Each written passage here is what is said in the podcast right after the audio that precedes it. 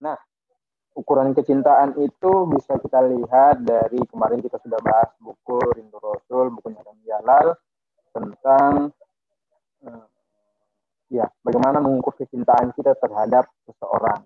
Nah, ada ada tingkatan dalam uh, mengukur kecintaan kita terhadap seseorang. Ada orang yang cinta karena ada maunya. Nah, ini banyak sekali. Entah itu misalnya karyawan uh, dengan bosnya dia mengikuti bosnya karena ya iya karena dia punya uh, kecenderungan untuk mendapatkan uh, finansialnya. Jadi kalau dia nggak digaji ya mungkin dia keluar dari situ. Itu adalah uh, kecintaan yang paling bawah. Nah kemudian ada kecintaan atau ada ke uh, tingkat kecintaan yang mana kita mengikutinya karena kita tahu bahwa dia adalah pakar di bidang itu.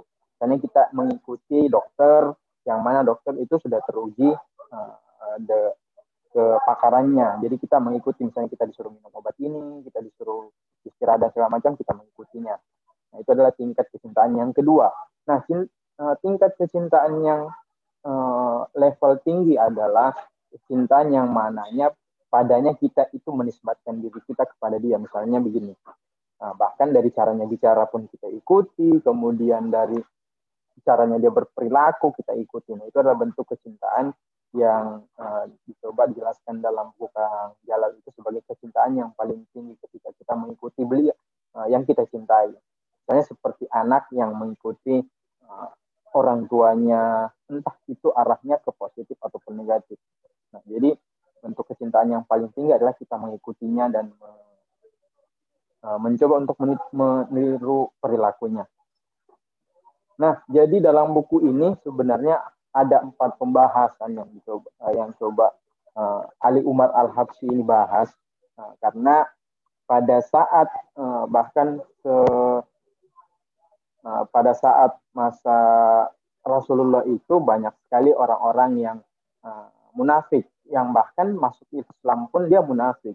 Nah, kita kalau kita mau lihat, nah inilah uh, kenapa dalam buku ini di, dia berikan judul sebagai Ali adalah neraca kebenaran. Jadi kalau mau lihat kebenaran dalam satu uh, sejarah, kita harus mengikuti Sayyidina Ali. Karena uh, kemarin juga kita jelaskan bahwa Sayyidina Ali lah yang melindungi uh, Rasulullah ketika uh, para sahabat yang lain meninggalkan dia di dalam perang perang perang yang apa saya lupa perangnya dan di saat itu para sahabat uh, pergi meninggalkan Rasulullah karena mencoba untuk melindungi dirinya tetapi dengan keberanian Sayyidina Ali dia melindungi uh, Rasulullah SAW dengan uh, begitu gagahnya nah jadi patutlah kita uh, belajar banyak terhadap Sayyidina Ali karena Sayyidina Ali juga ini adalah uh, tokoh uh, kalau bisa dibilang kita bisa belajar sederhana dari beliau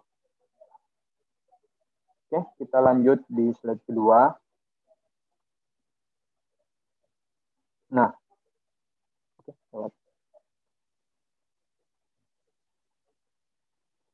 Nah, siapa sih sosok Sayyidina Ali?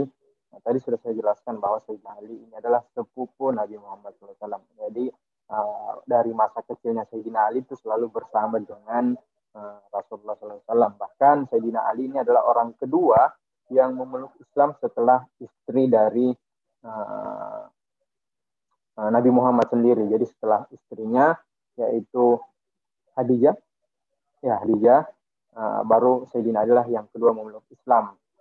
Makanya sampai-sampai ada hadis mengatakan bahwa barang siapa yang mencintai Sayyidina Ali maka dia juga mencintai Rasulullah dan barang siapa mencintai Rasulullah maka dia mencintai Allah Subhanahu wa taala. Jadi itu satu kesatuan yang bisa uh, ketika kita mencintai Sayyidina Ali maka Nabi Muhammad dan Allah Subhanahu wa taala maka akan balik mencintai yang ketiga adalah Sayyidina Ali adalah pelanjut dari Nabi Muhammad SAW. Bukan berarti dia sebagai nabi, tetapi dia ini uh, pemimpin spiritualitas. Jadi kan kita sudah sepakat bahwa Nabi Muhammad adalah nabi terakhir. Tapi Sayyidina Ali ini dalam peristiwa Ghadir Kum itu ditunjuk uh, sebagai pelanjut dari Sayyidina Ali untuk memimpin uh, sebagai pemimpin spiritualitas uh, tahun sebelumnya setelah nanti uh, Nabi Muhammad SAW meninggal. Nah dari situ pula lah dari situ pula lah. Oke okay, tunggu ya. Dari situ pula lah hmm, banyak sekali yang menentang uh, apa yang yang ada dalam peristiwa Gedirkum itu. Banyak sekali para sahabat-sahabat yang uh, munafik yang tentunya itu dia uh, mencoba untuk menghancurkan Islam dari dalam. Nah, dari sinilah bermula juga sampai-sampai setelah meninggalnya uh, Rasulullah SAW itu seluruh keluarganya bahkan di dibunuh uh, dengan begitu sadisnya. Jadi kita harus banyak belajar terhadap uh, perjalanan dari Sayyidina Ali ini. Mengapa Sayyidina Ali itu begitu penting.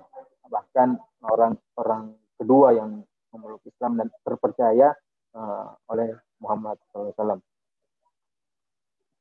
Oke, kita lanjut. Bagaimana Sayyidina Ali dengan orang-orang munafik? Nah, definisi dari orang munafik adalah seorang yang menampakkan keimanannya dan merahasiakan kekafirannya.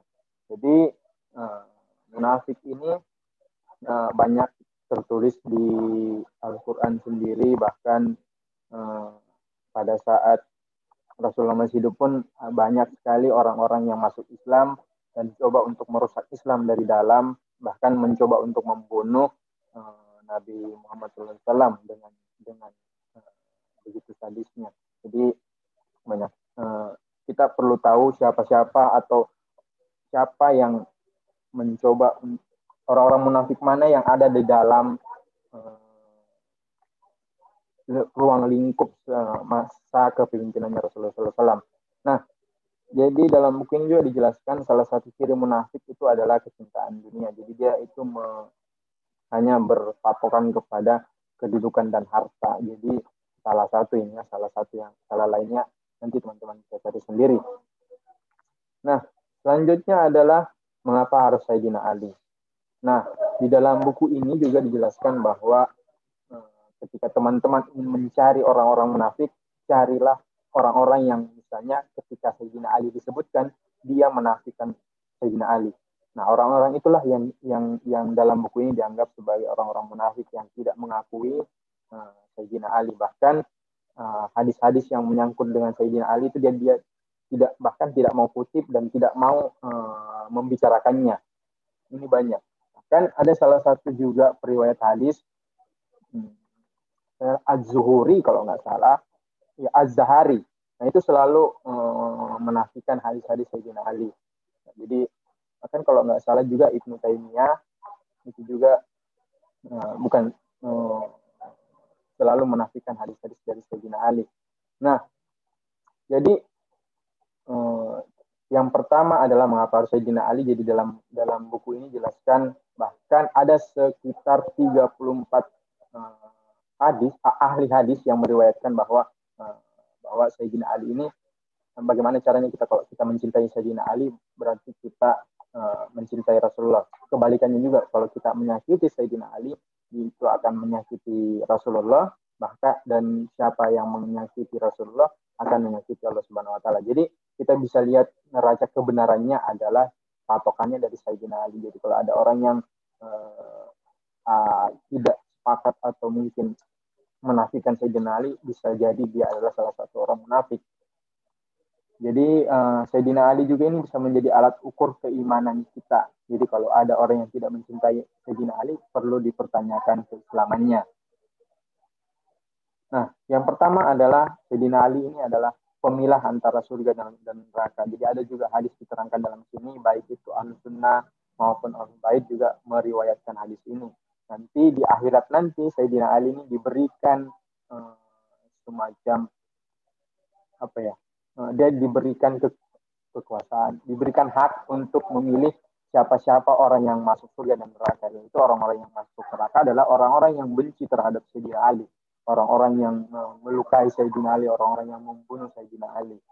Dan yang kedua adalah yang memusuhi Sayyidina Ali adalah bukti dari kemunafikannya. Nah, itu adalah patokan uh, salah satu patokan dari kemunafikan seseorang. Jadi kalau kita memusuhi Sayyidina Ali, kita adalah salah satu orang yang munafik. Dan yang ketiga adalah alat ukur keimanan seseorang uh, dengan mencintai Sayyidina Ali. Jadi nah, salah satu alat ukur kalau kita Eh, beriman adalah dengan mencintai Sayyidina Ali alaihissalam.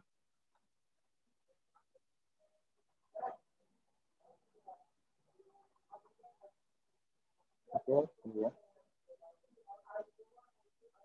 Hmm, habis. Kayaknya terhapus ya slide selanjutnya. Sorry guys, ini kayaknya ada ada ada upaya setan kayaknya atau kayaknya saya yang setan. Oke, kita lanjut ya. Jadi kalau teman-teman kan kita ini lagi di uh, setannya diri sendiri ya, Mas. Daripada men, daripada mengatai setan orang, ya mending mati diri sendiri. Oke, jadi uh, salah satu untuk mencari sebab orang-orang yang uh, sampai sekarang itu memusuhi Sayyidina Ali adalah dengan itu, dengan cara kalau dia menafikan Sayyidina Ali, berarti dia adalah orang-orang yang uh, sifatnya itu dia mau merusak Islam dari dalam. Bahkan sampai sekarang pun orang-orang yang mengadu domba, bahkan dia masuk Islam, dia sengaja masuk Islam untuk mengadu domba orang orang-orang Islam itu pun sampai sekarang masih ada. Jadi uh, bagaimana caranya kita untuk bisa mencari uh, akar dari itu. Jadi teman-teman uh, cari siapa orang-orang yang uh, misalnya ada kan riwayat hadis juga ada yang tidak sepakat dengan uh, keutamaan Sayyidina Ali ini. Jadi kita cari sebabnya dulu siapa-siapa yang memusuhi Sayyidina Ali, kemudian uh, dicari uh, apa namanya itu kalau bahasanya uh, akar-akarnya sampai sekarang. Jadi kita bisa me, men, apa, bijak dalam mengikuti siapa yang kita imami di sekarang ini. Nah, kemudian uh, mengenal Sayyidina Ali ini adalah neraca untuk mencari tahu siapa yang uh, mencaci maki beliau ya itu adalah uh, mencaci maki Rasul dan Allah Subhanahu wa taala. Jadi penting sekali untuk kita uh, mengetahui sejarah apalagi khusus uh, berbicara tentang Sayyidina Ali ini karena setelah peninggalnya Rasulullah banyak kejadian-kejadian yang begitu tragis yang coba dirasak yang dirasakan oleh keluarga Sayyidina Ali. Bahkan peristiwa Karbala pun itu wah bisa dibilang sangat tragis sekali. Dan dan coba dan pembahasan seperti itu pun jarang sekali kita dengar. Bahkan orang orang nggak tahu uh, tragedi tragedi Karbala itu sebagaimana sih pedih dan sakitnya yang dirasakan pada saat itu jadi penting sekali untuk belajar sejarah karena jangan sampai nanti kita terpengaruh oleh aliran-aliran yang mencoba untuk merusak kita dari dalam karena uh, Islam itu bisa bersatu uh, atas dasar kebersamaan kita. Jadi dengan belajar sejarah kita juga bisa mengikat atau bisa saling ber apa ya uh, berpegangan tangan untuk tidak bercerai-berai. Jadi thank you untuk teman-teman semua. Uh, saya akhiri diskusinya karena masih ada yang masih ada pembahasan selanjutnya. Saya akhiri. Assalamualaikum warahmatullahi wabarakatuh.